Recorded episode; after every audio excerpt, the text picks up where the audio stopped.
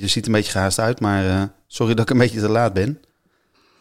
Ja, nou ja, ik zat me al een beetje te vervelen. En, ik zat even net twee voor twaalf te kijken, die quiz. En die muziekvraag is ook altijd super simpel. En het antwoord was deze keer Under the Bridge van de Red Hot Chili Peppers. En ik denk, nou, dan gaat Astrid Joosten natuurlijk haar stoere verhaal vertellen. Wat ze meegemaakt heeft ooit met Anthony. Ken je dat verhaal toevallig? Nee, nee. Ik, tenminste, of het moet nou over die sokken gaan. Ja, wat? Of het moet over die sokken gaan, maar... Nee, nee, nee. Het was, in de jaren tachtig speelde de Red Hot Chili Peppers tijdens de uitmarkt op de Dam. En het werd gepresenteerd door Astrid Joosten. En die, ja, die begon aan te kondigen of te presenteren. Het duurde allemaal een beetje lang. En op een gegeven moment komt die band het podium op en eh, Anthony Kiedis die pakte gewoon vol op de bek. En ja, en Astrid die druipt een beetje zo van het podium af. En ik dacht, ja, nu gaat ze zeggen wat ze mee heeft gemaakt met Anthony, maar dat deed ze niet.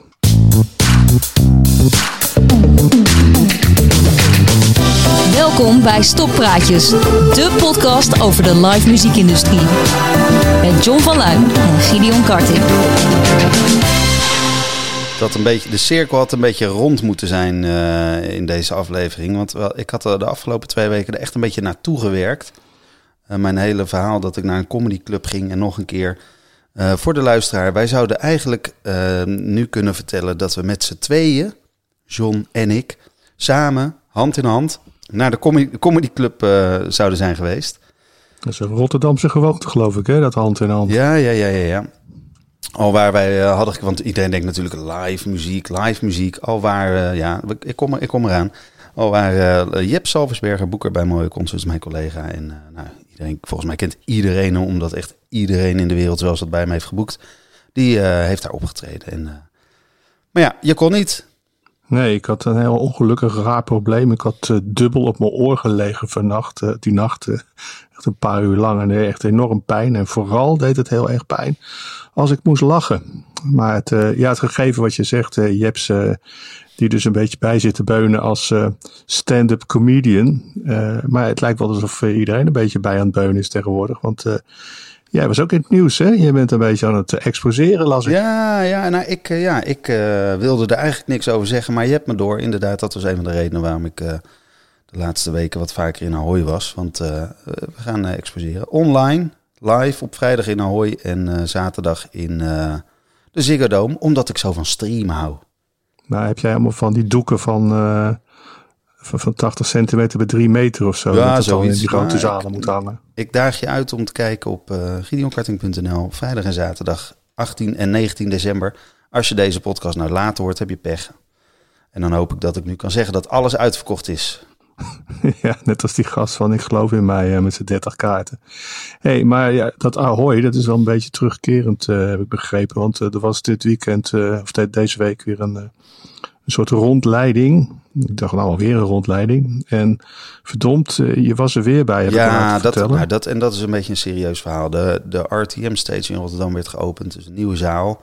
Er kunnen iets van 7.000, 8.000 man in. En ja, dat is natuurlijk al een beetje raar dat je in deze tijd een zaal opent. Maar uh, ik mocht daarbij zijn en uh, ik dacht, nou god, ik ben er net geweest, waarom moet ik nog een keer? Maar uh, wij, um, wij, wij werden ontvangen. En met wij bedoel ik dan een aantal mensen uit de business. Dus wat mensen van Age After All, mensen van Friendly Fire, mensen van Greenhouse, nog, nou, nog wat van de vrienden van Amstel. En, en wij mochten met z'n 28, want met zoveel waren we, mochten we nadat we door een gangetje waren gelopen, op uh, witte stoeltjes plaatsnemen. Al waar wij voor een videoscherm werden gezet. En na een filmpje moesten wij onze blinddoeken opdoen die er lagen, omdat we van eh, de akoestiek van de zaal moesten eh, genieten. En wat schetste je verbazing op het moment dat we de blinddoekjes op hadden, hoorden we een klassiek stuk. Dat was het thema van Star Wars. thema van Star Wars, ja. En ik dacht al wel van, ah, er staat daar achter in de zaal staat natuurlijk uh, een violist. En daar hoorde ik een pauk of weet ik veel wat. Maar toen we onze blinddoek afdeden, toen uh, zat het voltallige Philharmonisch Orkest voor onze neus. En ik, ik, vond het zo fantastisch, het was zo indrukwekkend. En vooral heel nietig, omdat je met, ja, god jongens, dat je met 28 mensen daar zit. is toch echt wel uh, bijzonder. Dus... Maar gaat dat nou een, een concurrent worden van de AVAS? Wat, hoe moet ik me dat voorstellen? Nou, ik, uh, zoals je weet, uh, was de oude hooi bang toen de Ziggo Dome werd gebouwd. En de afgelopen jaren, nou, net voor de lockdown, hoorde je alweer uh, Florence in de Machine door Rotterdam schallen. En Queen heeft er al opgetreden en noem, ze maar op. Dus volgens mij trekt het allemaal weer aan. Is, is het allemaal extra hoe meer... ze zeggen altijd als je een kapper naast een kapper zet... dan kan dat of concurrentie zijn. Maar in de praktijk hebben ze allebei meer klanten.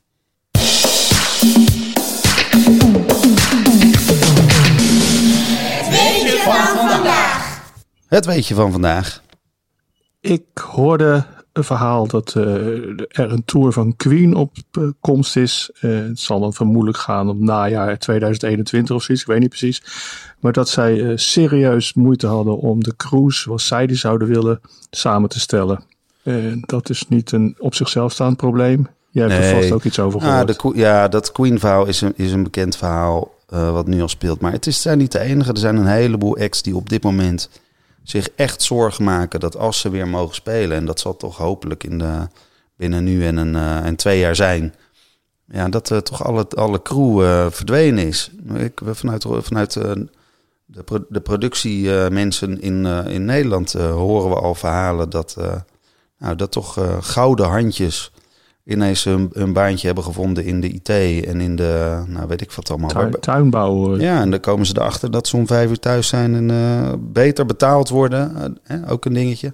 En, uh, en de hele avond vrij hebben, ja. het wordt sowieso interessant hoor. Ik, ik, ik hoorde het verhaal en ja, het is op zichzelf staat aardig genoeg om ook te vertellen zonder de naam van de artiest erbij te vermelden. Want ik heb beloofd om dat niet te doen. Maar ja, er is gewoon een artiest die heeft eh, gewoon gezegd dat hij het eigenlijk helemaal geen goed idee vindt om voor een ingeënt publiek te spelen. Tja, ja, is echt... ja dat kan je dus ook gaan voorstellen. Ik, ik heb wel Jess Coleman van Killing Joke. Ja, die, die is gewoon anti-vaccinatie. En dan zou je dus voor kunnen gaan stellen dat hij alleen maar wil spelen voor niet ingeënt publiek. Uh, en ja, om het dan nog verder door te trekken. Ja, als die Amerikanen, als die Amerikaanse crews, als ze er dan zijn, als die hier komen. Ja, die gaan ook enorm op hun Amerikaanse paranoia lopen doen. En je zal zien dat uh, niet alleen bij de hardere bands, maar bij, bij iedere Amerikaanse band zullen ze vragen om een barrier, omdat ze het publiek op anderhalve meter willen hebben. Jongens, zit er nog wat in de platenkast? Heb mijn platenkast uh, iets uh, verder naar me toe getrokken en ik haalde toch eentje uit. Fool's Gold, Stone Roses. Wat dacht je daarvan? Ja, Stone Roses. Wat een stelletje wappies waren dat, jong. Ik vind het bizar hoor, want ik bedoel, zelfs ik heb twee, nou niet fantastische, maar zelfs ik heb een geschiedenis en verhalen met Ian Brown of de Stone Roses. Terwijl ik helemaal, ja, ik was er niet bij hoor toen die plaat uitkwam. Jij? Ja, ik was er hartstikke bij. En uh, het viel mij eigenlijk ook op later pas dat hij uh, eigenlijk als twee druppels laat, water lijkt op uh, Sign of the Times van Prince. En niks ten nadeel van Fool's Gold is een geweldig nummer hoor. Het werkte goed op de dansvorm van die tijd. Maar ik had ook nog het, wat later bleek, het eerste en laatste cluboptreden van de Stone Roses. voor een capaciteit van 700 man. En er waren 698 kaarten verkocht. Dat vond ik toen heel grappig. En het was echt een hele vervelende dag. Uh, ik kan me nog herinneren dat, uh, dat de, de gitarist die probeerde de gitaar te spelen tijdens de soundcheck en er kwam geen geluid uit uh, zijn apparaat. En dat onze technicus zei van nou misschien een idee om je versterker aan te zetten. Waarop er meteen een, uh, zo'n zo'n Engelse bullebak op hem afkwam. En zeggen van ja, je mag niet direct communiceren met de artiest. En uh, dat moet via de podiummanager. Nou ja, dan verziek je de sfeer natuurlijk uh, al meteen. En ja, tijdens de show ontstond er ook met de tourmensen echt, echt ruzie. En die man was echt vervelend. in die tijd liepen al die Engelsen al snel te bullenbakken dat ze uh, vroeger wel voor de Rolling Stones of de Beatles hadden gewerkt. Ja, waarschijnlijk als een reserve gitaar of zoiets. En, uh, maar die man die was heel boos, want er waren technische dingen die ze gevraagd hadden waar we helemaal niet aan voldaan hadden. En ik beweerde dus dat ik nooit een technische rijder gekregen had. Dus uh, ja, we hadden die man het eigenlijk over. Dus op een gegeven moment zei ik, nou rustig, rustig. En toen begon hij pas echt los te gaan en me echt gewoon ja, uit te schelden en ja, heel grof te doen. En wat het plaatje nou zo mooi maakte, vond ik altijd dat uh, de boeken van het voorprogramma, Jan ten Boom, ik heb ook al, weet ik veel, 30, 40 jaar in die business rond, uh, Die had dat voorprogramma dus geboekt. Uh, de Serenes. Waaroverigens uh, een bandlid dokter is overleden afgelopen jaar. Maar ik dwaal misschien een beetje ver af. Maar Jan die zat dus, terwijl die man mij dus zat uit te kafferen. Zat ze zelf meegebrachte bruine boterhammen met kaas op te eten. En ik, ja, ik vond dat gewoon die Hollandse nuchtere braafheid tegenover, tegenover die, die Engelse hufter. Ik vond het een mooi contrast. Nou ja, voor zover uh, ik iets over de Stone Roses heb meegemaakt. Wat dan jij dan? Nee, ja, ik ben gewoon wel benieuwd of dat dan uiteindelijk nog goed is gekomen met, uh, met die hele technische uh, handel. Nou, dat vond ik dus wel grappig, want het, ik vond het dus echt wel goed klinken. En ja, die man die vond dat dus duidelijk niet. Maar ik dacht later wel van, ja, Jezus, weet je, het blijkt dus helemaal niet nodig te zijn, die rijders. Maar een paar weken later, het was altijd een enorme band op mijn bureau. Uh, toen ging mijn bureau maar eens opruimen en ik vond er echt onder een stapel papier vond ik dus een fax van zeker 12, 13 pagina's uh, met dus die technische rijden van de Stone Roses. En ja, die heb ik toen heel besmuikt gauw in de prullenbak gegooid en uh, tot op vandaag eigenlijk tegen helemaal niemand ooit verteld. En ja, jij bent de eerste die het hoort.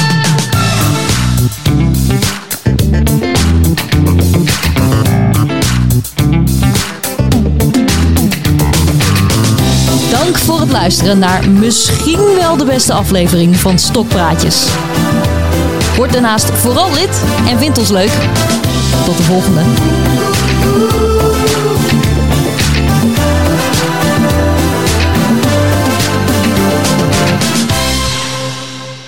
Hey Gideon. Ja?